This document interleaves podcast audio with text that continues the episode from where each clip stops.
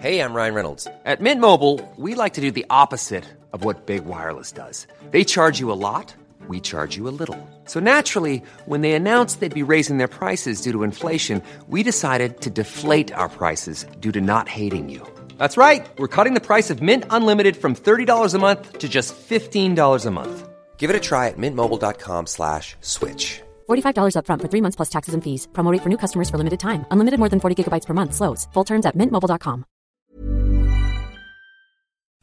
Hej innebandy Sverige! Välkomna till avsnitt 48 av den här innebandypodden. Som ni vet så kan ni följa den på alla plattformar, ja, alla ljudplattformar som finns, som Spotify. I det här avsnittet har vi med oss en av eh, svensk innebandys allra mäktigaste, Jörgen Lindgren. Han fyller 54 år senare i år. Han är VD för föreningen Svenska Superligan och hans CV tidigare i karriären är imponerande. Han har varit hockeydomare på allra högsta nivån under massor av år. Han har varit eh, generalsekreterare under fyra år för Svenska Hockeyförbundet. Och under sju och ett halvt år har han varit VD på SHL, alltså Hockeyligan i Sverige. Och eh, numera är han eh, VD då för innebandyns högsta serier. Eh, och det har han varit sedan 1 maj 2020. Det finns mycket att eh, fråga om och eh, många frågor att svara på. Därför tänker jag att det är hög tid att vi släpper fram Jörgen här nu i det här avsnittet. Så nu kör vi!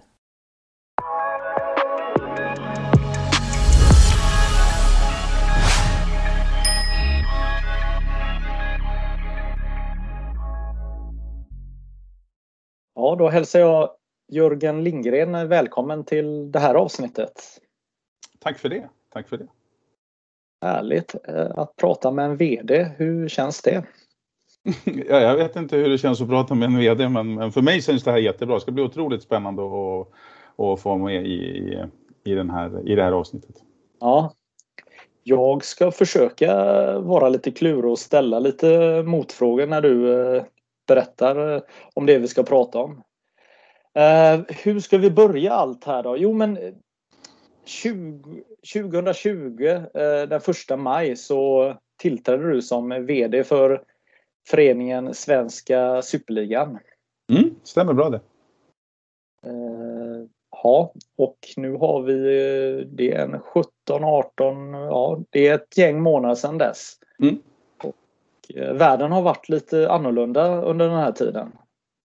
Ja det kan man väl verkligen säga och det, det gäller samhället generellt och, och naturligtvis utifrån från det perspektivet så har ju idrotten fått sin, fått sin kan man säga en helt annorlunda vardag också precis som och, och där också vi utifrån innebandyn och SSL. Mm. Eh, när var det du eh, tackade ja till det här uppdraget eh, i tid?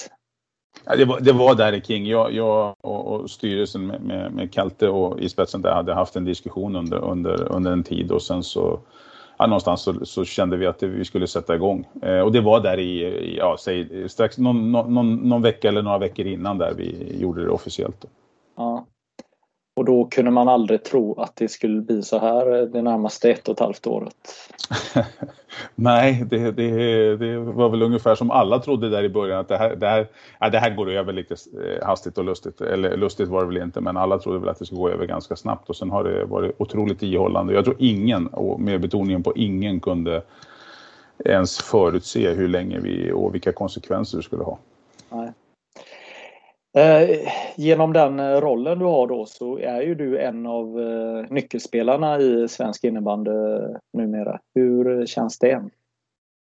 Nej, men det, det känns ju naturligtvis otroligt eh, ska säga, spännande och, och hedrande att, att, ha rollen. Och sen är vi, är vi ju naturligtvis flera som är alltifrån klubbarna till, till, eh, till styrelsen och till, till mig i det fallet och även innebandyförbundet har ju en viktig roll och även, även du i din position har ju en viktig roll för innebandyn. Så, men utifrån min roll som VD för SSL så är det klart att det känns otroligt spännande. Mm. När man hamnar i den här rollen eh, i innebandy då så blir det på något sätt eh, utanför så tänker man ja, nu är det han som ska fixa allt.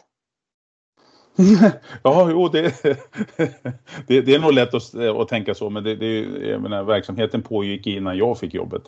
Eh, och det är klart att det, det, är också enklare när det blir så tydligt att vem som får rollen så är det också enklare att hänga upp den på någon rollen och, och funktionen som sådant och, och resultatet. Men det, det, här är ju inget ensam, ensam jobb utan det här är ju ett, liksom ett ansvar som, som faller på alla. Sen är det naturligt utifrån rollen att du frontar en del frågor och, och blir den publika. Det, det, kommer på något sätt med jobbet men det här är ju inget en, enmansjobb långt ifrån utan det här är väldigt många som är inblandade i det här och kommer vara inblandade i framtiden också.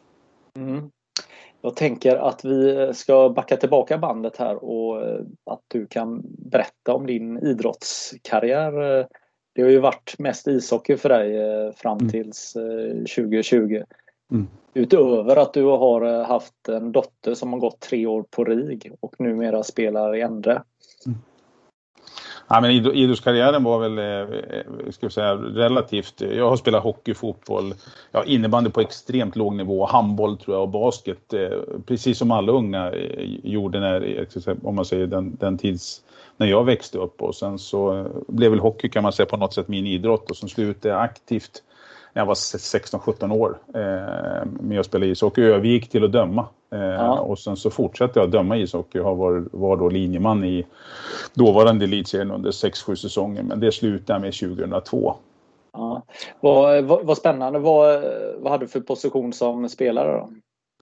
Eh, center eh, jobbade väl inte hem så där supermycket över egen röd tror jag. På den tiden så fanns ju redline så man var ju tvungen att vara över röda för att inte hamna i... Eh, nej men center, jag var center och forward kan man säga. Ja, men då krigar du ändå på genom de här tuffa åren när man är 14, 15, 16 i ishockey. Så, ja. så det är ändå ganska länge du höll på ändå. Ja, absolut. Och vi hade ju fantastiskt lag. Jag är ju född och uppvuxen ute i Järna och det var en otroligt fin förening och klubb på den tiden. Och, och mycket goda kompisar i laget och sådär. Och sen, sen, på senare år så har jag varit ute där och spelat veteran, veteranhockey då. Och det, ja, det är ungefär samma folk som är kvar. Ja, men att göra den övergången att, att eh, från spelarkarriär eh, då eh, man kanske, inte, man kanske känner att man inte räcker till eller tappar intresset eller ja, jag vet inte men att gå över då till att bli domare det är ändå en ganska häftig eh, flytt om man säger så och så mm. tidigt. Mm. Men det var väl nog ingenting som jag tänkte på. Det hade, min pappa hade en kompis som, som var domaransvarig och han tyckte jag skulle testa på. Och jag kände väl sista året jag spelade så åkte jag väl och tjata på domaren mest hela tiden. Och, och sen när jag började döma så insåg jag att ja, men det där ska man inte hålla på och tjata speciellt mycket på för det är inte så enkelt. Eh, men också få vara en del utav idrotten och, och, som jag hade då förmånen att kunna få vara med på, på den yttersta eliten även internationellt eh, så var det otroligt inspirerande att kunna vara med och få vara en del utav sporten och en del utav själva matchen och elitverksamheten. Ja. Eh, jag själv eh, spelar ishockey och spelar i Frölunda och det innebar ju att jag under nästan tio år var på alla matcher i Skandinavium och jag minns ju eh, ända från att jag var en riktigt, riktigt liten grabb hur utsatt man var som domare i exempelvis då Skandinavium. Alltså, eh, man fick ju verkligen eh, veta att domarna levde eller ni som var ute på isen här. Jäklar vilket tryck det är ishockey på hockeydomarna. Mm. Samtidigt så blir ju du så, det är ju som spelare ungefär oavsett om det är ishockey eller, eller innebandy eller vad det, än, eh, vad det än är så blir du otroligt fokuserad på det du gör. Så man, man, man blir ju i sin lilla bubbla kan man säga, precis som du som spelare också. Så du hör ju inte allting som, som liksom tjoas och tjimmas på läktarna utan det är mer att du får pulsen utav det och känner en del utav stämningen. Men man, man, hör inte, man hör inte allting som sägs.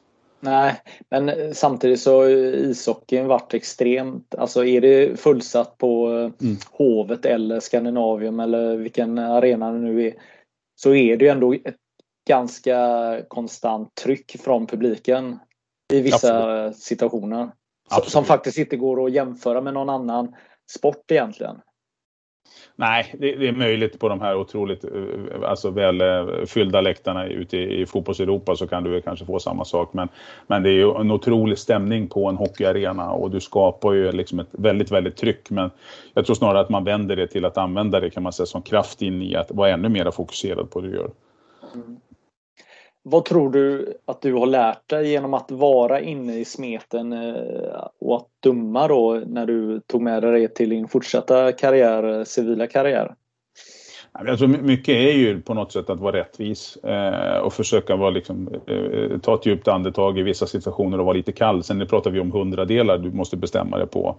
men också lita i sammanhanget, lita på din magkänsla och, och, och liksom driva på i olika beslut oavsett kan man säga om det är idrotten eller om du tar in det i näringslivet. Men idrotten har gett mig en otrolig eh, vad ska jag säga, kunskap och erfarenhet att plocka med sig in i näringslivet och alla dess olika situationer. Mm. Eh, och du ham hamnar ju sen eh, som eh, generalsekreterare för eh, Svenska Hockeyförbundet. Mm. Hur, hur hamnar man där då från eh, domarkarriären? Eller det var under, Ja. Jag hade, hade en, en, ganska lång näringslivskarriär där i, i, in emellan eh, och när jag då slutade döma så någonstans så var, ska säga, på något sätt försöka då, eh, och jag hade väldigt, väldigt bra jobb och fick eh, liksom förmånen att kunna utveckla mig på näringslivssidan. Sen, sen i och med att jag inte var tillräckligt bra i sporten att kunna försörja den på mig då, så, så kände jag efter en tid inom näringslivet i, i ganska många internationella bolag att jag ville testa på att jobba med idrotten som, som, som yrke då. Och I och med att jag inte var tillräckligt duktig att lira så får man då komma in på kontoret. Mm. Och sen var det, var det ett par kompisar runt omkring mig som tyckte att jag skulle söka jobbet som, som GS på, på förbundet och sen efter en tid så lyckades jag få det. Eh, vilket också har lärt mig enormt mycket eh, med då näringslivsbakgrunden att ta in den i ett idrotts eh, och hela folkrörelseperspektivet och alla demokratiska processer. Mm. Okej, okay. så det är det man kallar sig GS då när man är generalsekreterare? Ja, precis. Ursäkta förkortningen. ja. Men eh, kan du förklara för alla som lyssnar på det här och tittar på det här. Vad är det som är det härliga med att jobba med eh, en idrott? Alltså att jobba med någonting som väldigt många brinner för. Ofta lägger sin tid, eh, sin fritid på. Det är en jättebra fråga. Jag skulle säga så att det är nog precis det som gör det härligt att det är sånt stort engagemang och, och naturligtvis så, så gäller det ju att använda det där engagemanget på rätt sätt men, men, men det, det, är ett engagemang och det berör väldigt många i idrotten. Och det är klart att, att oavsett vad beslut eller verksamhet man än har så är det klart att idrotten, eh, är du i näringslivet så berör det inte lika många på det sättet utifrån framförallt den publika delen då. Sen har ju den sina för och nackdelar naturligtvis då men men utifrån idrotten och, och, när det är en idrott som du, som du, som du själv gillar på något sätt eh, och, och, och lever för så blir också kan man säga uppdraget mer ännu mer intressant att kunna, kunna jobba med just och använda det engagemanget som finns runt omkring en. Mm. Och sen så blir du under sju och ett halvt år så är du VD på Svenska Hockeyligan då. Mm. Eh, hur, hur blev den flytten och vad är skillnaden med att jobba eh, för förbundet kontra eh, ligan då? Jag, jag tyckte väl där kan man säga, jag, fick faktiskt frågan från dåvarande ordförande i, eh, som dessvärre har gått bort nu, Anders Edin. Eh, fick jag en fråga ifrån från eh, han om jag var intresserad av att komma över till, till eh, Hockeyligan och det, och det blir en tydligare uppdrag kan man säga. Förbundet hade vi, gjorde vi en fantastisk resa i och, vi, vi ska säga, organisationen sågs över, vi fick till de kommersiella intäkterna, plockade hem en del rättigheter och liksom började jobba väldigt, eh, väldigt, väldigt eh, framgångsrikt eh, med ishockeyförbundet. Men sen kände jag också i sammanhanget att, att ligan var nog mer jag utifrån mig som person eh, och, och, min bakgrund i vad jag kan. Så när jag fick frågan från från Anders Edin. Hur, hur fint och, och, bra det än var på ishockeyförbundet så kändes det som en rejäl utmaning. Vi hade kommit en bra bit på väg på hockeyförbundet så det liksom började närma sig att, att eh, någonstans någon annan skulle ta vid och då fick jag frågan och chansen att komma till ligan och det, där blir uppdraget än tydligare. Det, förbundet har ju alla distrikt och du har alla klubbar kan man säga under under högsta ligan och neråt kan man säga. Här blev det tydligt i, på den tiden var det 12 lag. Sen utökades den till 14 då. Men uppdraget var mycket tydligare kan jag säga utifrån och passade nog mig utifrån där jag var just då. Ja, du, du pratar om tydligare. Jag tänker ju mer att det är resultatfixerat också. Att det är en väldigt stor skillnad ett, ett förbund kontra en eh, ja, organisation som, som jobbar med elitverksamhet. Mm. Och det är, det är det som blir tydligheten i att du följs upp och du ska leverera ett resultat och du ska göra det eller du ska göra det. Då. Så det, det är klart att tydligheten fanns där. Även om det var en tydlighet i förbundet också med vad vi skulle göra så blev den på ett lite annorlunda sätt kanske, i, i vilket är naturligt i en, i en, i en uh, liga på det sättet.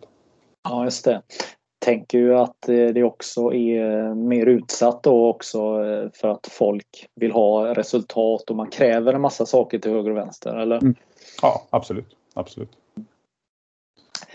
Eh, och eh, ibland kan man inom innebandy tycka att det stormar eh, till höger och vänster men det, det, det är väl eh, eh bara en vindputs eh, jämfört med hur det är i, i svensk hockey då tänker jag eller?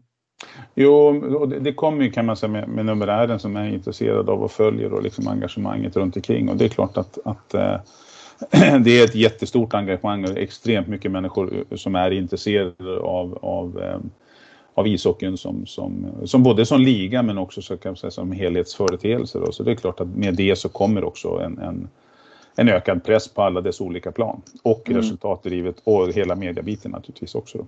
Ja, precis. Mm. Uh, jag eh, vet ju att svensk hockey eh, mycket jobbade på att man på något sätt skulle säkra sina intäkter och se till att de var goda i alla matcher. Och eh, eh, man, man, man utökar ju antalet matcher i, sin serie och man... Vad gjorde man mer alltså för att öka intäkterna kring matcherna om man bortser från de här avtalen och sånt som slöts? Ja, men grunden var ju, det var ju det som var ut, grunden i utökningen av antal lag, att vi, man, man, ansåg att det kunde spelas hockey på högsta nivå på fler ställen i Sverige. För att få en spridning då på fler städer i Sverige helt enkelt. Och med det också öka antalet intresserade och antalet som följer. Så, och naturligtvis alla avtal som gjordes, alltifrån eh, kommersiella avtal till tv-avtal var ju en otroligt viktig del och en grund att stå på. Sen jobbar ju klubbarna eh, enormt och, och får ju nu starta upp den verksamheten igen, det vill säga med att hur attraherar vi människor och fans till och publik till, till matcherna hur jobbar vi med matcharrangemang, hur jobbar vi före matchen, under matchen och efter matchen. Och det är ju direkt översättningsbart till oavsett vilken idrott det än är. Sen är det klart att mängden som kommer på matcherna är fler i hockeyn och fotbollen än vad den är i innebandyn. Men, men jag, jag, tror att arbetssättet är ganska lika eh, oavsett vilken idrott eller hur stor eller liten den än månde vara. Mm. Men jag vet ju att många av de här stora hockeyklubbarna de vill ju helst bara möta varandra hela tiden. Eh, eller? Nej, det tror jag inte. Det, det, där är nog en sägning som har blivit en sanning tror jag. Eh, jag det blir ju, det blir ju, säger sig självt att det blir ju ganska tråkigt att spela mot eh, samma lag och dynamiken är ju att idag när du, när du startar upp exempelvis eh, SHL så, så är det ju otroligt osäkert vem eh, som kan vinna. Det vill säga att i princip kan alla som ställer upp, alla 14 lag kan vinna och du får liksom en, en debatt kring det och du får en diskussion och du får en, ett, ett, i, i media och det är ju egentligen det som har varit avsikten med sättet att fördela resurserna i ligan, att just att alla har lika mycket pengar. Alla, alla får ta del av lika mycket pengar eh, för att man ska kunna bygga en verksamhet och bygga ett lag. För att kunna tävla på yttersta nivån. Och det tycker jag man eh, kan jag säga, stort har lyckats med utifrån att vi får de här diskussionerna att det är kanske en 8, 10 eller till och med 14 lag som kan vara med och vinna, pratas om att vinna SM. Och det är kan man säga önskan oavsett vilken sport du än driver en ligaverksamhet i att du har så många lag som möjligt som kan tävla om om finalplatserna. Mm. Vad hände under dina år som ansvarig? Jag tänker att de här arenafrågorna kanske klarades av innan du eh, blev eh, VD eller var det under den tiden också? Kan du berätta lite vad, vad jobbar ni med under, under de åren som du eh, var ansvarig? Ja, men det var ju, grunden var ju att skapa en, verksamhet, en, en långsiktig hållbar verksamhet. Och det är ju både utifrån ekonomi och organisation och, och, både hos ligan och hos klubbarna. Och sen en del i det var ju att säkerställa en, en plattform för att klubbarna skulle vara så starka som möjligt. Och, och du vet att ju, ju mer folk vi får in i arenan desto bättre är det. Eh, och sen blev det ju en debatt utifrån att eh, kan man säga, de regelverken som fanns, de har ju funnits i väldigt många år. Så blev det väldigt, helt plötsligt väldigt tydligt vad som skulle börja gälla. Men det, det, man tror jag inte riktigt hade förståelse för då var ju att regelverket fanns redan. Sen skruvades det upp med ett antal, ett antal åskådare till. Mm. Och sen var det väl mer att, att dispenserna inte fanns där på samma sätt som de hade funnits. Men det var ett, ett syfte och ett sätt att driva saker och ting framåt. Mm. Ja, men jag tycker ändå att det är intressant att prata om vad du har gjort innan här för att få en förståelse vad eh, som väntar eh, härnäst här nu då med, med, med svensk innebandy. Då. Mm.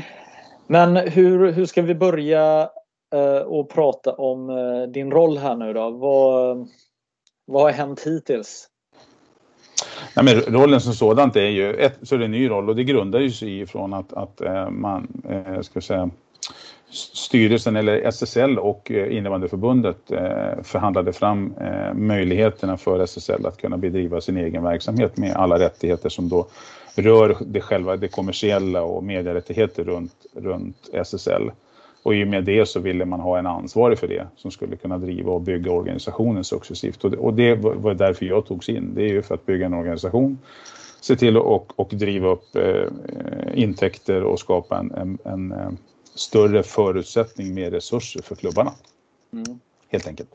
Ja. Och eh, någon, någonting som egentligen alla som är lite insatta kan eh, fråga nu då det är ju det här att eh, Svenska innebandyförbundet har det senaste året eh, gjort en massa avtal men eh, eh, ni har inte gjort några än. Berätta, varför är det så? Ja, men det, det, det, är klart, ser man på vår verksamhet så har vi idag vi har eh, avtal med Returpack Pantamera. Vi har avtal med Klubbhuset, vi har avtal med Sportexpressen. Eh, och det, det, är egentligen de stora avtalen som vi jobbar in och sen, sen blir det ju en sån här resa när man då förflyttas och det, jag, och det är ju en av utmaningarna med idrotten generellt sett att man tål, eh, själva tålamodsdelen är ju ganska obefintlig vilket är bra för det driver frågorna framåt. Men, men det blir ju också så i en sån här ska säga, förflyttning när vi tar över rättigheterna, vilket vi har gjort till oss, så valde vi att fokusera på ett antal områden. Det ena var att se till att få ut eh, våra matcher så att de finns tillgängliga för allt och alla, att alla matcher produceras och att alla matcher sänds. Det var egentligen grunden in i det. Sen när du tittar på de kommersiella avtalen så har vi ett med Pantamera och vi har som sagt var ett med, med Klubbhuset.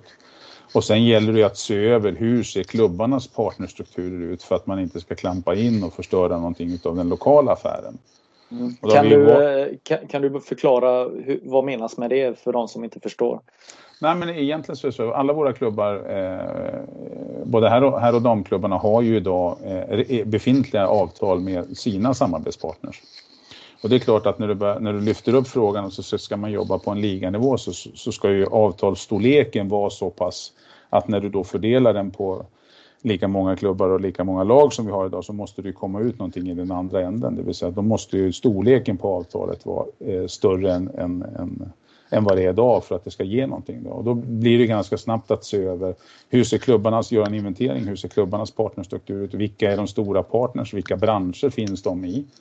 För att inte komma in med en bransch som redan en annan har klubb har, har tecknat vilket gör att det låser någonting annat i nästa ände. Då. Och det, det har varit en process i det och sen, sen eh, hjälpte det ju inte till kan man säga den säsongen som har varit då utifrån att eh, vi inte fick ha publik på arenorna vilket är en stor del i partnerskapen idag att man vill aktiveras eh, mot, mot slutkonsument det vill säga i arenan. Eh, men jag tycker att vi, vi har jobbat på ganska ordentligt under säsongen och har flera otroligt bra diskussioner och samtal igång med potentiella partners.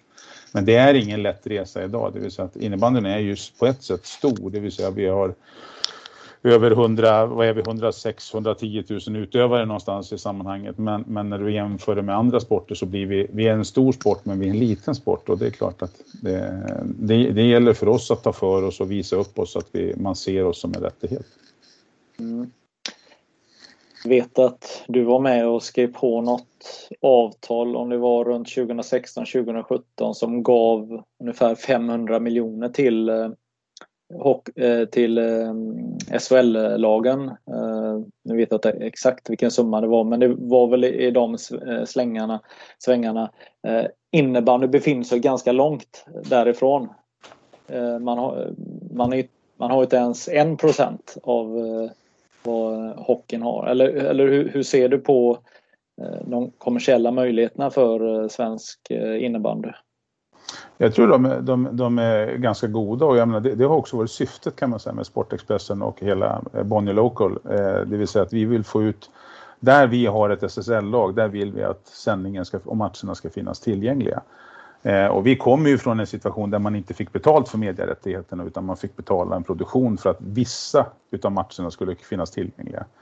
Nu har vi där vi får betalt för våran, vi får betalt för våran rättighet. Sen kan man alltid önska att man vill ha mer pengar, men vi får betalt för rättigheten och vi har börjat bygga det tillsammans med Sportexpressen på en långsiktighet, det vill säga att vi vill att våra matcher kommer ut och man finns, finns närvarande. Sen, blir ju jämförelsen med de andra typerna av idrotterna lite haltande för att de, de har hållit på mycket längre i, en, en, eh, ska säga, ett, i ett ligaformat vilket gör att man har haft möjligheten att kunna bygga upp det här under en längre period.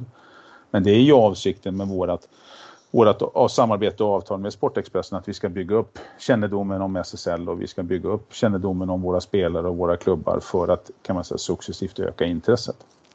Mm. Eh, jag är helt säker på att, att det finns många som tänker att ja, det är mycket bättre om Sveriges Television sänder alla matcher.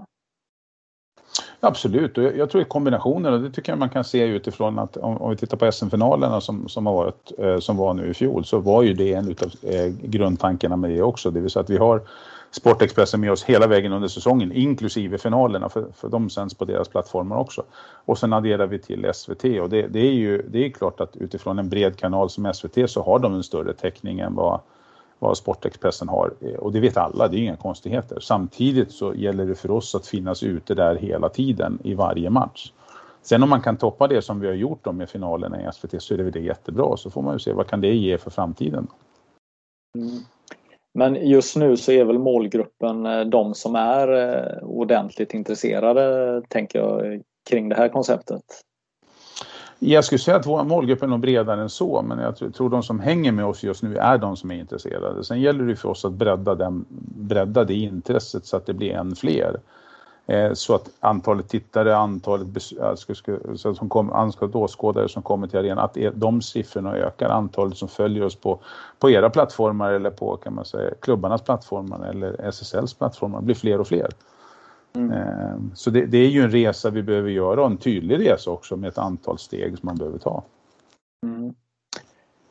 Eh, runt själva produktionen här, alla matcher produceras men eh, produktionen är ändå ganska simpel kontra andra idrotter där man kan se repriser bakifrån, uppifrån, nerifrån. Ja, hela den biten. Mm. Ser, ser, du det som ett problem eftersom innebandyn är en väldigt snabb sport? Jag skulle vända på det istället så jag skulle se det som en möjlighet. Det vill säga att igen då, grundtanken var ju att vi ville ha alla matcher ute och finnas tillgängliga. Och för att kunna ha det så måste man börja någonstans på en nivå. Jag menar vart efter pengar och resurser kommer in så kommer vi kunna lägga än mer kraft. Men jag tycker att bara om vi tittar på de första matcherna i år så har vi tagit, eller slutet på förra säsongen kanske, och de första redan i år så har vi, tycker jag, tagit ganska stora steg i själva kvaliteten på sändningen, på allting runt omkring och på kommentering och på produktion så tycker jag vi kan se tydliga skillnader än vad vi hade i starten i fjol. För starten i fjol var inte bra. Vi, vi hade en hel del utmaningar med starten som vi löpande diskuterade för att hela tiden förbättra. Jag tyckte halvvägs in i säsongen så började vi få till det på ett bra sätt och nu eh, gjorde vi de sista matcherna förra säsongen blev riktigt bra. De första nu tycker jag har visat att vi, har, vi, vi kliver framåt och så gäller det att fylla på. Vi kommer att göra en del större produktioner under säsongen eh, för att då kan man säga lyfta upp ett antal matcher vid ett antal nedslag för att göra dem än mer tillgängliga så att fler kan titta på dem. Mm. Vad är det eh, vi behöver lyfta här nu för att innebandyn ska gå uppåt, framåt?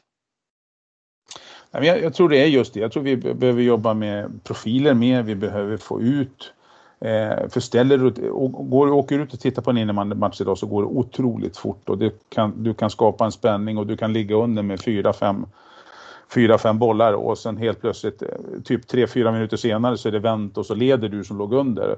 Hela den dynamiken och liksom, ska säga, hela, skapa ett intresse runt omkring det. Att det går så väldigt mycket fortare än vad det gör i någon annan, någon annan idrott och det händer så mycket på kort tid.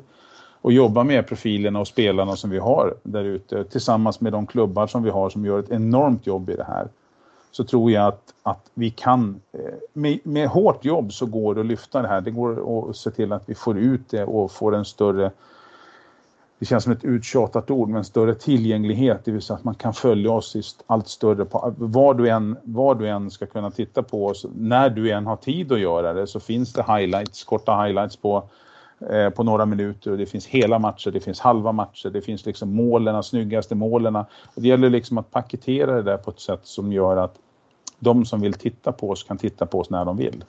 Mm. Men jag tänker att du behöver ett eh, antal eh, verktyg för att eh, kunna lyckas med, med, med ditt uppdrag. Jag tänker publikmål, jag tänker eh, Ja, men om man börjar med eh, publikmålet då. Eh, senast det var en hel säsong så hade ju eh, exempelvis herrligan hade ju 860 personer i, i, snitt och det är ju nästan 30% mindre än toppnoteringen som har varit ungefär på 1200 eh, massa år tillbaka i tiden. Alltså behöver inte du eh, visa positiva siffror till eh, tilltänkta samarbetspartner att vi går upp en nivå, alltså vi behöver ju höja oss. Eh, eller hur, hur tänker du? Nej, men det är helt rätt. Det, det är klart att hel, hela, den, hela den, eh, kan man säga, hela intressedelen av innebandy, om, vi, om, om man tittar ner på, på, på SSL och innebandy generellt, så hela den intressedelen, det vill säga hur många är intresserade, hur många följer innebandyn, det och, som också i sin tur ger hur många tittar på TV, hur många kommer i arenan. Så det är klart att de där siffrorna måste ju vara på en nivå så att, att eh, partners känner att det är intressant. Men jag tycker att vi börjar liksom, vi, vi börjar nu, nu, gäller det ju att vi jobbar stenhårt just nu, men om man tittar på sista säsongen vi hade eh, åskådare så tycker jag då var man på en, på en nivå att ta det ifrån för att lyfta det vidare då kan man säga. Och då så får vi till ett antal nya arenor med, med, med bättre möjligheter och bättre kapacitet. Eh, vi kommer ur en pandemi så det gäller ju för, för oss och eh, klubbar och innebandyn totalt sett att jobba stenhårt nu med, eh, med att locka tillbaka publiken. Eh, för det är klart att de siffrorna behöver vara positiva för att en partner ska vara intresserad. Ja, men jag, jag efterlyser lite eh, lagarbete här för nu känns det som att det är väldigt mycket eh, individuellt i varje förening där man jobbar med, med målbilderna. Jag tänker att man, eh, det är ju lätt för mig att säga som, som inte behöver ta ansvar för det men låt oss säga att alla lag i, i Superligan måste arrangera en sån här arenamatch i, i en ishall och göra det till innebandyns dag i, i Stockholm eller Göteborg eller var man nu befinner sig eh, för att verkligen boosta eh, intresset och publiksnittet. För de matcherna räknas ju ändå in. Jag menar för, för 15 år sedan, 10 år sedan när hockeyklubbarna eh, var ju väldigt på jakt efter att hitta ytterligare arrangemang i sina arenor. Jag vet att HV71 och, och andra lag samarbetade väldigt mycket med, med innebanden och exempelvis Jönköping hade ju massa eh, matcher i Kinnarps arena under en period och Pixbo spelade i Skandinavien och till och med Stockholmslag har ju spelat på Hovet men det var ju ganska länge sedan nu. Men vad, finns det sådana tankar att på något sätt också ta nästa steg för, för, för medelsnittet har på något sätt ändå stabiliserats men vi behöver ju också ha lite mm, extra hjälp tänker jag. Mm. Nej, men, och det är helt rätt och det gäller ju att skapa sådana tillfällen och, och det får vi ju det, det, är sådana diskussioner igång för att se var ska vi kunna liksom göra ett antal nedslag och då, då börjar vi i år med att göra ett antal kan man säga, större, vi försöker plocka ihop ett antal större matcher vid olika tillfällen och göra en, en dels en större tv-sändning men också försöka fokusera lite hårdare på, på publiken vid det tillfället och se till att vi får tillbaka våra åskådare och ökar åskådardelen.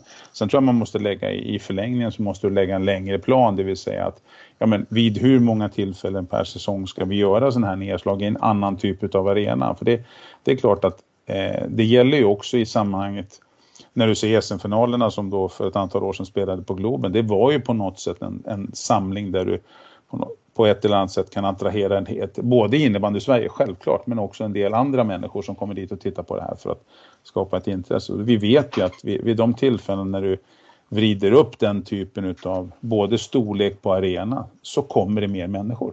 Mm.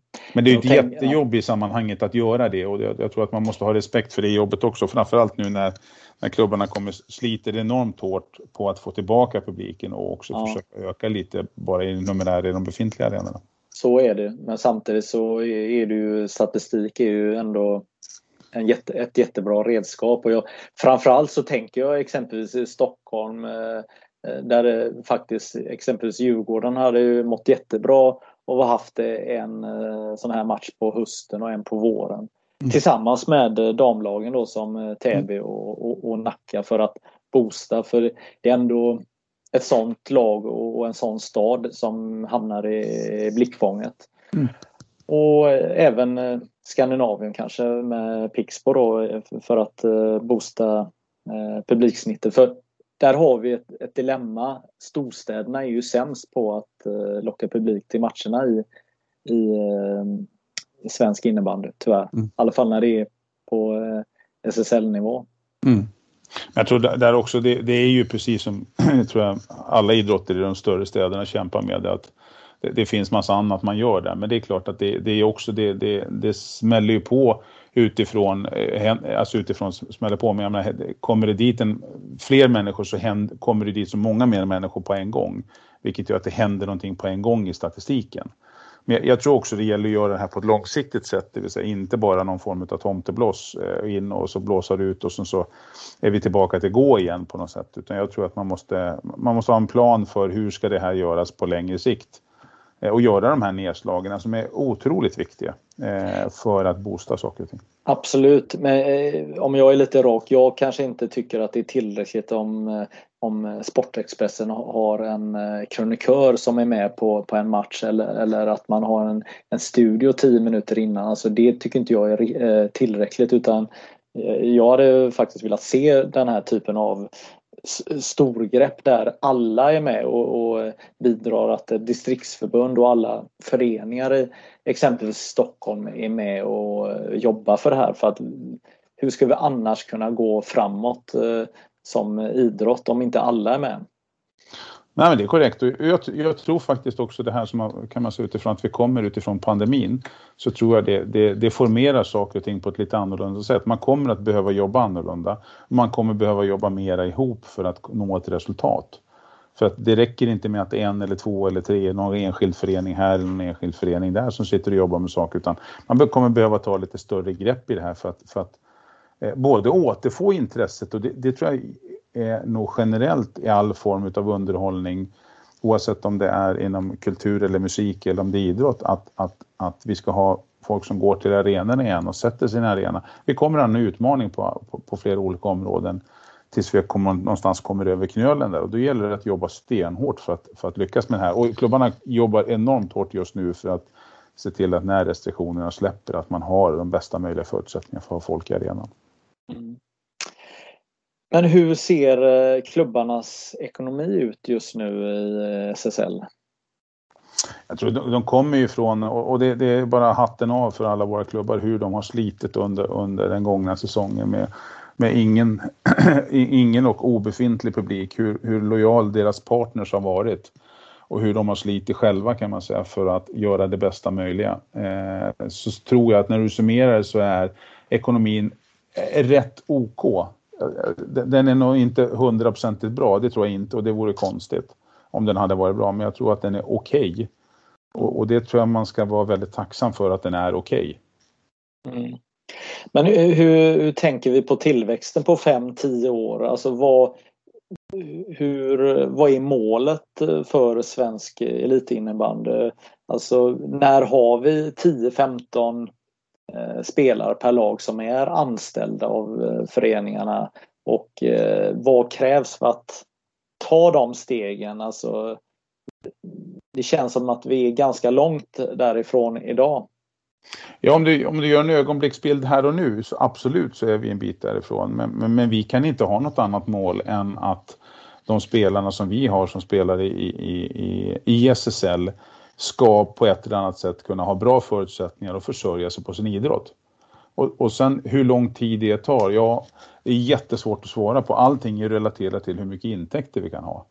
Eh, men vi kan inte ha något annat mål än att alla ska ha samma förutsättningar när det gäller att spela i SSL. Du ska kunna spela och utföra en elitidrott på högsta nivå och med det måste du ha förutsättningar både i form av träning, eh, alltså träning och kunna förbereda sig. Ja, det, du kanske vill ha ett jobb på sidan men, men ska du jobba 100% eller finns det faktiskt en ekonomi som gör att du kanske inte behöver jobba alls eller du kan behöva jobba mindre?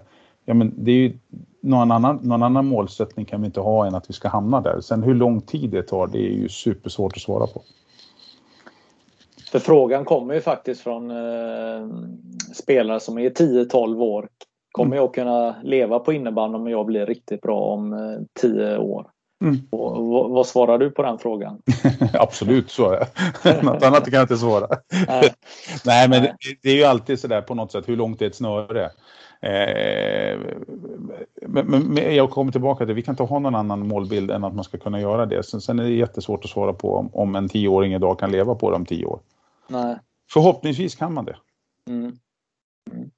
Eh, kan du förklara för mig vad är svårigheten med att jobba med eh, innebandy på den positionen eh, du har kontra det du har varit med om innan med hockeyn? Alltså var, var befinner vi oss som idrott om man är helt ärlig?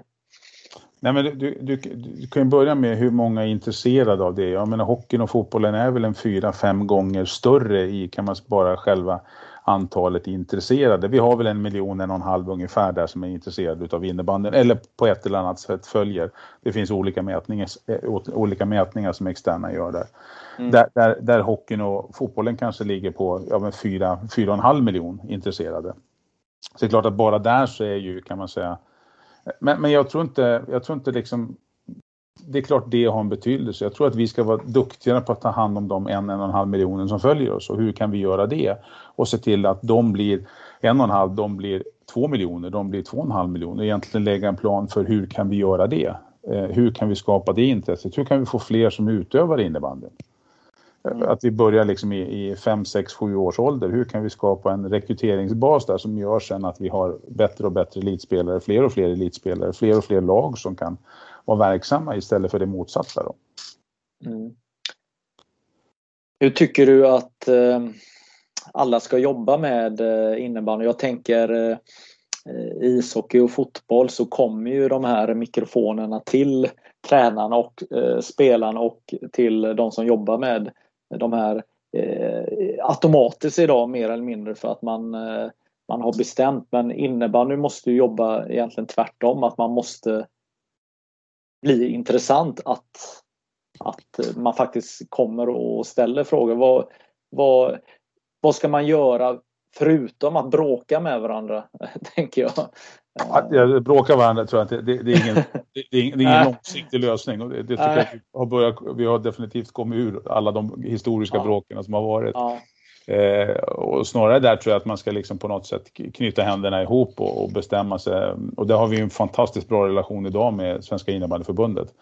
Eh, I att ah, bägge parter vill se till att det här växer och vill liksom göra allt och ta i så det knakar för att verkligen få det att växa. Och det är klart att grunden där är ju hur syns vi och hörs mer? På vilket sätt kan vi kanske attackera frågorna från ett annat håll? Det vill säga hur kan vi, hur kan vi skapa förutsättningar för våra spelare att de på ett eller annat sätt kan försörja sig och, och leva på den här innebandyn på högsta nivån för att sen skapa de här idolfunktionerna neråt, det vill säga att en sexåring som börjar se upp till en, till en spelare i SSL och det där skulle jag också vilja göra och det är klart att den resan är ju den resan är ju bara påbörjad, men jag tror att det finns väldigt goda förutsättningar för att man ska kunna lyfta ordentligt. Mm. Hur lång tid tar det att få in en partner alltså som vill satsa på innebandy? Vi säger ett bilmärke. Alltså, Eh, tar det en månad, tar det ett år, tar det två år? Alltså om man börjar från scratch och man inte har ett naturligt eh, samarbete. Eh, Ja, men då är det ju snarare det senare du säger än det första, det vill säga en månad. Ja, men då ska du hamna väldigt rätt in på en gång. Det vill säga att du i deras budgetprocesser så, så ligger du precis, du kommer in, de kanske har avslutat ett samarbete eller har börjat påbörjat leta ett samarbete. Annars är det ju ganska långa processer idag om man, om man tittar på den, de pengarnivåerna som vi är ute för att se för att kunna paketera eh, SSL på ett vettigt sätt och se till att det blir pengar till klubbarna i slutet på dagen så måste liksom nivåerna vara rätt okej okay. och då är det ju då pratar vi ju halvår, år eh, i processer mm. beroende på var du kommer in i, i deras budgetprocesser och deras beslutsprocesser och, och var är innebandyn på kartan i deras fall? Ja, men är vi inte ens på kartan, ja, men då, kommer, då tar det ju ännu längre tid i att påvisa att vi ska vara på kartan och att vi är en vi är en liga som, som, som har allting under samma tak och vi driver saker och ting framåt. Mm. Jag tänker att för en viss typ av summa så blir man nummer 17 inom fotbollen eller ishockey men samma summa kan man ju bli nästan etta, tvåa, trea i innebandy. Mm. Är det ett säljargument eller vilka är argumenten för innebandy då? Nej, men jag, jag tror att det, det, finns någonting, sen, sen, vill vi ju inte eh, framställa oss som, som att vi är någon rea-funktion utan jag tror istället ska man säga så här, jag tror vi kommer, vi, vi fokuserar idag på att få in en handfull partners ungefär. Mm. Eh, och i och med det så, så, är det klart att investeringen hos oss i, i jäm, alltså jämställt med en, en, en av de större idrotterna så är det klart att investeringen hos oss är ju, är ju väldigt mycket mindre. Och det gör ju att beslutet kan, man kan tycka att då är beslutet kortare eller snabbare att ta. Samtidigt så måste vi eh, ska säga, beskriva och lyfta fram innebandyn så att den matchar med det den potentiella partnern vill åt. Eh, men, men, det är klart att det, det, ligger, det ligger mycket i det du säger att, att investeringen hos oss är mindre än vad den är i de stora sporterna vilket gör att man, man kommer högre upp i ranken hos oss, absolut. Mm.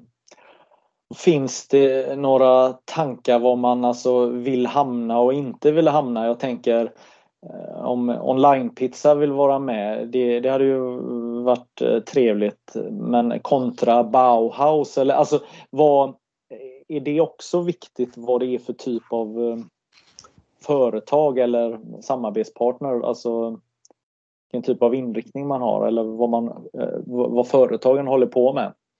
Ja, men jag skulle säga det, det ska nog vara en relevans till det vi håller på med. Det ska finnas en, liksom en, en, en, koppling till både vad vi håller på med eller vad de som följer oss är intresserade utav. Så att, så att en partner, och det ska man säga, köparna idag, det vill säga eh, partners och potentiella partners idag, de är ju väldigt duktiga på att selektera vad de är intresserade utav. För de, de jämför målgrupper och man tittar på tvärsan och korsan i och ja, men det här passar mig bättre eller det där passar oss bättre. Eh, så oavsett vem vi än vill samarbeta med så är det kanske så att våran mappning på, på de som vi har runt omkring oss inte passar. Men jag skulle säga att vi, vi, vi vill ha det kopplat till en relevans av vad vi håller på med. Vi vill se till att vi kommer rakt rätt in hos en partner som också känner att man får något värde med att hänga hos oss. Sen vem det är, ja, men det tror inte jag har så stor betydelse för att det kräver också en form av investering vilket gör att du måste upp på en viss nivå när det gäller partnerstiden. Sedan 2002 så har vi ju en enda final i eh, innebandy. Eh, oftast så spelas den i Stockholm. Den har spelats på lite olika platser i Malmö. Senast i år i eh, Gävle inför noll åskådare. Och det hoppas vi ju att det aldrig händer någon mer gång att vi ska tvingas spela inför noll åskådare. Men vad, vad är ert eh, arbetsredskap med eh, SM-finalen som det ser ut nu. Jag håller helt med dig. Jag hoppas verkligen inte att vi ska behöva spela den där, de där två finalerna utan åskådare igen. Sen tycker jag att lösningen med Gävle blev väldigt bra utifrån att vi fick det i en tajt arena. Förhoppningen var att vi skulle kunna ha publik där. Fast i begränsad mängd då. Men, men sen när det blev som det vart så tycker jag att vi fick ut den på ett väldigt bra sätt. Men, men ser man på SM-finalerna idag så är det innebandyförbundet som har dem. Det, det, är deras rättighet. Sen har vi en, en väldigt god relation med innebandyförbundet som gör att vi har möjlighet att tillsammans jobba med SM-finalerna. Men, men per definition så är det innebandyförbundets rättighet. Mm. Men om jag förstår klubbarna rätt så skulle man vilja spela bäst av sju eller vad är eh, grundtanken där?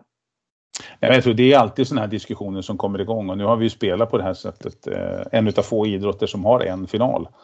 Eh, men det, det är ju också i det så är det ju utmaningen att det är aldrig något lag som har hemmaplan. Naturligtvis om, om du skulle ha ett Stockholmslag och spela på Globen så skulle man ha hemmaplan men så har det inte varit på en stund. Eh, så det är klart att, att man, hemmamatcher i en finalserie kommer ju på ett eller annat sätt ta mer folk till, till arenan och, och titta och skapa ett större intresse. Men nu är ju systemet så och har varit att det är en final. Sen pågår det alltid diskussioner och det, det tror jag också man ska tillåta sig kontinuerligt att utvärdera det man gör. Det vill säga, är det här den bästa lösningen för att skapa ett intresse runt innebandyn eller finns det andra typer av lösningar? Ja, det var ett väldigt politiskt svar. Jag, jag, jag kände det när jag svarade också, men, men, men jag tror att historien talar ju... Jag, jag, kan tilltalas av en final, för det, det, det, det avgörs på en match. Eh, sen är det klart att jag har levt med idrotter som har haft sju finaler där också en, en match sju har en speciell karaktär utav, utav, det blir på något sätt en helt annan idrott då. Eh, så, så, jag tror att man ska ta med sig och, och liksom, ja, fundera på, ska det se ut så här framöver eller ska det vara på något annat sätt? Eh, vi fick uppleva två finaler med två olika speldagar här. Det var ju första gången. Eh, finalerna har ju avgjorts sedan 2020, eh, eller 2002 och i år då var det första gången som dam och herrfinalen var separerade av mm. olika anledningar. Eller egentligen en anledning då. Har det förts någon form av diskussion att separera de här två matcherna? Alltså exempelvis fredag, lördag. Jag förstår ju att det är oerhört svårt och kostsamt att eh, hyra Globen vid två olika tillfällen. Eh, självklart och det kanske inte skulle bära sig men uh, fredag, lördag skulle ju ändå vara möjligt att kunna separera för att kunna sälja ännu fler biljetter. Absolut, och jag, jag, tror det är precis sådana där frågor man ska ta med sig och, och liksom fundera på hur kan, man, hur kan vi skapa en ännu större hype om, förutsatt att vi fortsätter som, som vi säger nu med en final. Hur kan vi bygga den, eller de två rättare sagt då, på, på riktigt och jag tycker det här var en intressant test det vi gjorde nu. Nu, nu var det utav olika anledningar men, men ändå än att det blev isolerat en dammatch på, på ena helgen och, eller ena lördagen och en, en herrmatch nästa helg efter så att man fick verkligen isolerat hel, den respektive upplevelse. Sen, sen, kan det också finnas kan man säga, fördelar med att ha det på samma dag, det vill säga att menar, publiken kan vara eh, för de som tillreser och naturligtvis ur, ur, ur ett rent produ, produceringsperspektiv så är det ju enklare med en dag. Men, men jag tror man ska, man, jag tror det är samma sak där, man ska tillåtas att fundera och utvärdera ordentligt. Vad tycker vi? Var det bra eller dåligt att ha det på, på, på olika dagar? Mm. Eh, jag vill inte vara negativ eh, eftersom vi vet att, vi, att det kommer bli det här året på mm. samma dag. Men, men eh, det är ju det att man, man kan ju inte fokusera helt och hållet på en match utan när det blir två matcher så det blir nästan som en cirkus att, att man kör första matchen och sen ut med alla och så in med nya. Och, mm. och, och de här intrycken hinner man inte skapa och sen kan det ju vara två matcher i rad kan ju vara mastigt för publiken också oavsett mm. om den är på plats eller på eh, följer den via tv och webben. Mm. Nej men då, det är helt rätt och, och det, det, är helt resonerat tycker jag utifrån precis som du säger och jag menar det är väl också lärdomar man får ta med sig det här utav nu när vi kommer ur en, en, liksom en pandemiperiod. Hur ska det här se ut i framtiden? För det, det är kanske inte så att, att, för det blir ju ändå ett antal timmar som du spenderar i arenan om du vill se bägge matcherna. Man är där lite före, man ser matchen och man ser lite period emellan och sen så ser du nästa match och så hänger du kvar lite efteråt. Det går ju nästan en hel dag. Mm. Och då måste man också fundera på, liksom, är, det rätt, är det rätt eh, takt att göra det här i? Kan vi förvänta oss att, att, att eh, våra fans och, och, de som är intresserade av det här ska liksom hänga där en hel dag? Ja, det mm. kanske man för att man bygger en sån hype runt omkring det. Eller så behöver man göra det på ett annat sätt. Mm. Ja, det är intressant för att eh, den känslan jag får är i alla fall att just nu så genererar inte en SM-final eh, tillräckligt mycket pengar för att göra alla i innebandyeliten nöjda, eller? Mm. Nej, men det, det, tror jag och det, det säger så nästan själv. Jag tror man, man kommer aldrig vara nöjd. Eh, och, och, det ska man nog aldrig vara heller tycker jag generellt i en sån här fråga. Men, men, jag tror också det kommer kanske driva diskussionerna i ska det se ut så här eller ska vi göra det på något annat sätt. Mm. Tänker en utmaning för eh, SSL är också att eh, i eh, serierna om, om vi tittar på eh, dam-SSL eh, och om vi tittar på herr-SSL eh, var för sig så är det ju det är väldigt stor skillnad på verksamheterna i varje serie. Om man eh, tittar på herrsidan exempelvis. Det är ju eh, enorma steg som, eh, som Storvreta, Falun, Kalmarsund och, och, några klubbar till gör, jämfört med några andra klubbar som, som är på en helt annan nivå. Ja, och det tror jag som vi var inne på från början, det är ju liksom eh, konsten och tricket i det här är ju att se till att skapa då likvärdiga förutsättningar för, för alla klubbar utifrån det vi kan bära in i affärer. Och det är ju ett av syftena att pengar, pengarna delas ut lika kan man säga till våra klubbar utifrån de vi får in. Och jag menar, syftet där är att dra upp den nivån är ju för att skapa förutsättningar för att klubbarna ska kunna tävla än mer, att det ska bli tätare och tätare tätare och tätare och att, att respektive klubbs verksamhet också fortsätter att utvecklas. För det, det tror jag är jätteviktigt att, att man som enskild klubb i det här utvecklar sin egen verksamhet. Men det kommer utav att man måste ha mer resurser då naturligtvis. Eh, och det gör också att du kan skapa förutsättningar för att kunna tävla på än mer lika villkor som i sin tur gör att serien blir än jämnare en fantastisk möjlighet för svensk innebandy att synas internationellt det är ju att eh, vi faktiskt kan eh, erbjuda sändningarna utomlands. Kan du berätta vad, hur det fungerar? Ja men absolut. Det, det, det ena är ju, och det kommer ju med att vi har ett antal utländska spelare som spelar hos oss som är väldigt skickliga. Så, och det har ju skapat en, en, ett intresse ute i Europa som gör att eh, från och med den här säsongen så har vi gjort ett avtal med eh, en tjeckisk kanal där matcherna, där det kommer gå plus 100 matcher i, i tjeckisk tv-kanal. Och det är ju ett sätt för oss att kunna marknadsföra eh, SSL och våra lag eh, betydligt mer och också öka den här kan man säga, plattformen utav intresserade som vi sa. Eh, sen, sen utöver det har, har vi under hela den föregående säsongen och det fortsätter vi med den här säsongen så är det en tillgänglighet för för internationellt intresserade att klicka in och då finns det en, en del på våra, våra hemsidor där man klickar in och så kan man köpa en match eller man kan köpa ett abonnemang och så kan man följa sitt eller sina lag beroende på vad man är intresserad av. Och det intressanta med Tjeckien affären som gjordes är att den har i sin tur också skapat lite ringar på vattnet så då har vi visat intresse från Schweiz och vi har visat intresse från Finland på att göra motsvarande lösning som man har i Tjeckien. Då. Så det ska bli spännande att se om vi kan få, få det i mål eh, för den här säsongen. Ja, det är ju stort för hela innebandyvärlden tänker jag. Jag menar, svenska superligan är ju den bästa ligan både på dam och herrsidan. Mm, absolut, så det känns otroligt spännande att kunna, kunna erbjuda det och framförallt att vi fick det intresset och lyckas skriva ett avtal där det också var lite pengar inblandat i, vilket också är, värdefullt för oss så att vi inte ger bort saker och ting. Nej, och just det att det också finns några tjecker i svensk innebandy och som också levererar både på herr och damsidan. Det måste ju också vara en, eller vara en eh, faktor för att svenska ligan ska vara intressant, tänker jag. Nej men det är helt rätt. Och det, det är ju den eh, bassen som har blivit runt omkring de spelarna. Har ju skapat en, en, en eh, jag ska säga, en, en ställd fråga ifrån Tjeckien. Att finns det här möjlighet för oss att titta på? Och hur många matcher kan vi få köpa? Och på vilket sätt ska vi sända? Och så har vi ställt lite krav på hur det ska sändas då. Mm. Så det är klart att den framgången gör ju, och precis likadant som vi har finska, väldigt framgångsrika finska spelare och schweiziska spelare, spelare så blir det också en del i eh, vad ska jag säga, intresset från de två länderna att synas och ha tillgång till våra matcher.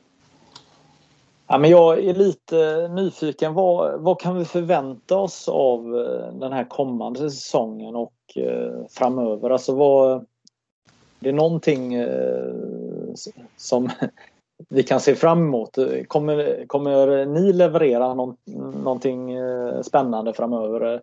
Kommer elit elitföreningar presentera något eh, spännande framöver? Vad, vad har vi att se fram emot? Mm. Det är en bra fråga.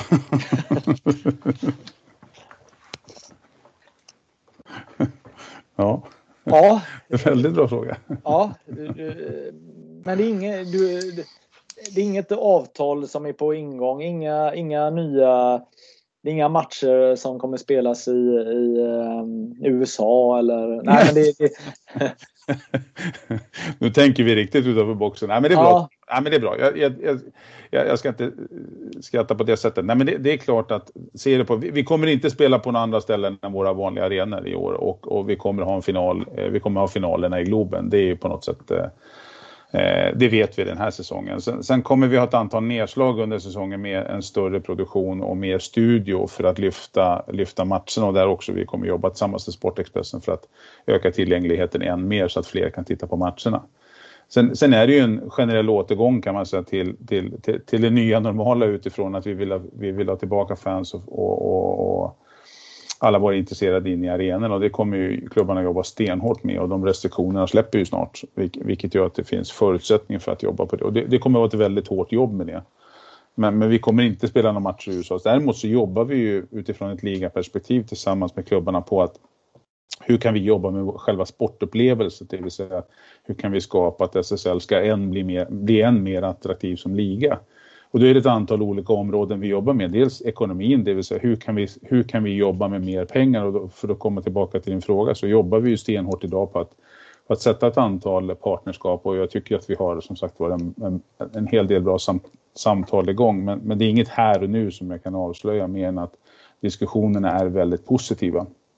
Det andra är ju upplevelsen, det vill säga hur kan vi jobba med upplevelsen i före, under och efter. Och jag menar, det är ju allt ifrån på alla plattformar, hur kan vi skapa en, skapa en, en synlighet och hur kan vi prata om innebandy mer på, på ett sätt och hur kan, vi, hur kan våra matcher finnas än mer tillgängliga i form av highlights och, och där är ju ni utifrån innebandymagasinet väldigt viktiga att, att vi får ut, vilket idag finns på era plattformar, highlights ifrån Sportexpressen jättebra plattformar för oss att komma ut på. Hur kan vi liksom se över det samarbetet så vi blir, blir en bredare där? Och sen då när du kommer till kommer tillbaka till arenan, hur, hur jobbar vi där? Och det tycker jag vi får bättre och bättre intron, det ser bättre och bättre ut i våra arenor. Vi får ett antal nya arenor som kommer successivt, vilket också skapar en bättre upplevelse. Och sen hur tar vi hand om det här efter matchen då? Hur producerar vi resultat? Hur visar vi upp matchen i efterhand? Vad pratar vi om matchen? För då bygger vi ju nästa match i det då. Och sen hitta ett spelschema i det som fungerar. Och sen, sen är det ju varumärkena. Hur kan vi liksom jobba med klubbarnas varumärken och hur kan vi jobba med SSLs varumärke för att höja det och höja statusen på det, öka intresset, se, se till att det är fler som följer oss. Ja men det är ju att ha en bättre kan man säga produkter runt omkring med, med ligan och spelet. Och sen sporten, hur kan vi utveckla den? Ja men du var själv inne på, ska det vara en final eller ska det se ut på ett annat sätt? Hur får vi till ett spelschema i sporten som gör att det finns ett rätt flöde där vi, det vill säga att matcherna lokalt hos våra klubbar, ja men de är placerade när, när våra fans och våra intresserade vill gå på det här. Ja, då kanske inte det är just den dagen som vi historiskt sett har spelat på utan vi kanske ska byta dag, vi kanske ska hitta andra tidslotter när vi syns och hörs. Mm. Så att de fyra stora områdena jobbar vi benhårt med för att liksom aktualisera. Mm. Hur, hur, eh, har ni resonerat? Eh, nu har inte jag eh, studerat spelschemat jättemycket men runt jul och nyår, vad, hur, hur har samtalen gått där kring matcher? Vissa juldagar är ju attraktivt i många mm. sporter att, att, mm. att, att, att, ha matcher. Mm. Hur, hur, hur har snacket gått i svensk innebandy kring det? Jag, jag har ju ingen historia i det här mer, mer än förra säsongen och, den, den, var ju speciell på alla, på alla dess olika sätt vilket, vilket gör att jag tror att det här är ju liksom ett samtal som är igång och for, behöver fortsätta. Det vill säga vilka är de mest optimala speldagarna? Mm. Och där tror jag man kanske då eh, för att prata om vad som skulle kunna hända potentiellt nytt. Jag tror man behöver prata om det för att se och liksom kanske också sättas ner ordentligt och diskutera vilka dagar ska vi spela på, när, när är det bäst? Sen, sen är det ju självklart att alla kan inte få sin vilja igenom på allting för annars då kommer vi ju spela ja, jämt eh, och det tror mm. inte jag heller är speciellt bra utan man måste hitta tillbaka till ett antal dagar där det liksom är mest, där vi skapar mest förutsättning för, för våra klubbar att få in mest folk i arenan. Mm. Ja, nej, men tittar man historiskt sett så eh, när innebandyn försökte ta kliv eh, framåt på exempelvis 90-talet och, och synas, då var det ju då var det ju så att en konkurrent då, ishockeyn, spelade ju eh, tisdag, torsdag, söndag då när man spelade matcher och då siktade ju innebandyn in sig på lördagar. Mm. Och så började man spela där då. Mm. Sen visade det sig att det var många journalister och medier som var lediga på lördagar för att mm. söndagar var en intensiv dag. Mm. Och det blev eh, en nackdel här. Och sen misstänker jag att under tiden du jobbar med svensk hockey så blev det ju hela havet stormar med, med hockeyn. Man övergav ju söndagarna helt då till eh, fördel för lördagar och andra dagar, eller hur? Absolut, och det, det kom ju samtal med klubbarna där man tyckte att söndagen blev en, en sämre dag att, att spela på utav diverse olika anledningar. Eh, lördagen var bättre och då delades det upp i två speltillfällen på lördag, 15 och 17.30 eller 18 eller vad det nu blev, att det blev liksom två sjok. Eh, så det kommer ju och det, och det, tycker jag är det de samtalen vi ska ha och påbörja och, och, eller fortsätta rättare sagt med våra klubbar. Vad är de mest attraktiva dagarna för våra klubbar ute i landet och se Eh, för, för, jag tror också det, vi, vi kommer inte ha ensamma dagar för innebanden för du har inte ensamma dagar för hockeyn eller fotbollen heller eller i de olika nivåerna utan det gäller bara liksom att skapa förutsättning för att våra klubbar, skapa förutsättning för att man har så mycket folk som möjligt i arenan och se till att våran upplevelse är så pass kul att vara på som gör att man kanske prioriterar den för något annat. Ja, och eh, om vi pratar ishockey igen här så kom väl klubbarna fram till att man kunde skapa eh, mer, mer intäkter genom att spela på en lördag kontra söndag eller? Ja, absolut. Ja. Absolut. Och, eh, jag tänker väl att eh, innebandyklubbarna också kan göra den analysen att eh, vissa dagar passar bättre än andra dagar men man kanske inte har samma möjligheter då i arenorna då. Ja, men vissa börjar väl få det tror jag så att man, man i större utsträckning kan erbjuda liksom en helhetsupplevelse med mat och med, med, med fika och vad det än månde vara så kan du erbjuda egentligen en upplevelse på, som den som kommer till oss förväntas att få. Eh, och då, när de förutsättningarna ökar så blir det också än mer intressant att hitta än mer lämpliga speldagar. Ja. Ja, det var ju spontant, det var spontant något jag kände när jag gick på mitt första eh, arenaarrangemang på ett och ett halvt år när jag såg IFK Göteborg mot Elfsborg på, på Nya Ullevi. Eh, att man faktiskt vill ha, man vill bli lite servad och ja, jag kanske inte tyckte att jag blev det. det. det. är ganska smidigt att sitta hemma och käka och ha det gött. Eh, eller gå på en inomhusarena, alltså en hockeyarena där det finns bekvämligheter och det man ja, vill ha för att det ska bli en härlig eftermiddag och kväll. Mm. Ja, men jag tror, jag tror det blir, blir än mer så idag att man, man vill ha olika lösningar vid olika tillfällen och, och då, ju, ju, mer vi kan tillhandahålla det desto bättre är det. Mm. Ja, eh, jag känner att vi börjar komma eh, till slutet här. Eh, det är ju så att man tänker att nu jäklar ska man grilla dig här ordentligt men jag känner att du har suttit ganska lugnt på stolen här och inte... Det är kanske för att det är bra frågor. Ja, ja jag vet inte. Det, Alltså det, det, finns ju alltid den här risken att någon tänker ja men nu pratar du med vdn här och nu har han eh, ställt en massa krav här. Du får inte fråga om det och det och det. Eh, men jag, jag känner att, eh, att, att, att jag ändå har ställt de frågorna som är relevanta att ställa. Däremot hade jag önskat att du hade sagt att, att jag har jag har några avtal på gång här men eh, du ber att vi ska ha tålamod om jag har förstått det hela rätt. Eh, ja, men det är klart. Och, det, saker och ting tar ibland längre tid än vad man önskar. Och jag, har, jag är extremt otålig. Eh, så vi driver på på alla dess olika fronter för att, för att skapa bra förutsättningar för våra klubbar. Så det, det är ju naturligtvis ingenting vi eh, vi sitter och håller på med. Men, men eh, i, i grund och botten så har vi ingenting, eh, vi har ingenting färdigskrivet idag. Det har vi absolut inte, men vi har väldigt bra samtal. Den, mm. den här boken är ganska bra. Okej, okay, ja. Okej, okay, ja det Ja men det det är väl bara att ta upp och börja ringa då efter vi har pratat vidare kanske då. Ja men det är en bra ringbok det här faktiskt och det, ja, det, det finns en hel del bra kontakter i den och jag menar ingen, ingen eh, ska säga, i allra högsta grad så vill jag se till att vi får, får, får, eh, får göra ett antal affärer för det kommer skapa väldigt mycket bättre förutsättningar för våra klubbar och oss som liga att göra det. Mm. det... Var, varför är du eh, rätt man eh, till det här jobbet eh, tänker du? Eh, det ska du nog inte fråga mig om, men nu får jag möjligheten att svara på det. Så ska jag svara jag frågar. ja. ja. det är nog de som har valt mig i det sammanhanget. Sen, sen har jag tackat ja till det och jag tackar ja för att jag tror att eh, i, enkel, i all enkelhet så finns det ett väldigt, väldigt stora förutsättningar. Innebandy är en otroligt spännande sport. Eh, det är en liga som, har, eh, som jobbar för att skapa förutsättningar åt, åt sina, eh, sina klubbar och, och lagarna. Vi har allting under ett tak, det vill säga dam här, vilket gör oss helt unika. Eh, för oss är jämställdhet och jämlikhet inte en fråga, för det är en, det är en självklarhet för oss.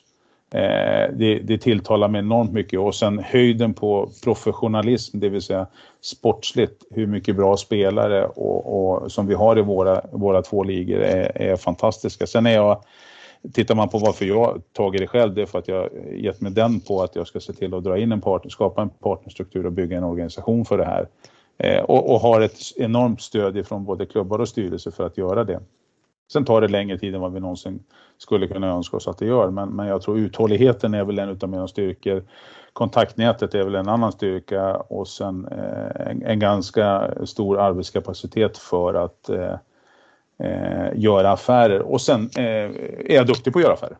Det är inga konstigheter med det, men hittills har jag inte gjort någon så då kan man ju tycka att jag inte är duktig. Men, men jag tror att förutsättningarna har varit lite speciella vilket gör att vi behöver jobba än hårdare. Ja, men jag gillar just det här att du faktiskt har varit med eh, under många år och varit med på den här resan att, eh, och tagit eh, avtal i mål kontra någon som faktiskt inte har gjort det. Du, du har ju, du vet hur, hur man ska göra. Absolut. Absolut. Sen är allting inte översättbart, det ska man också ha med sig. Men vi har gett oss den på att vi ska skapa förutsättningar för våra klubbar och våra spelare att kunna eh, utveckla sin verksamhet. Vilket bra avslut av detta avsnittet. Du fick eh, briljera att eh, förklara hur eh, du ser på eh, ditt arbete här. Jag tackar så hemskt mycket för att eh, du ville vara med. Mm. Tack själv. Tack för att jag fick vara med.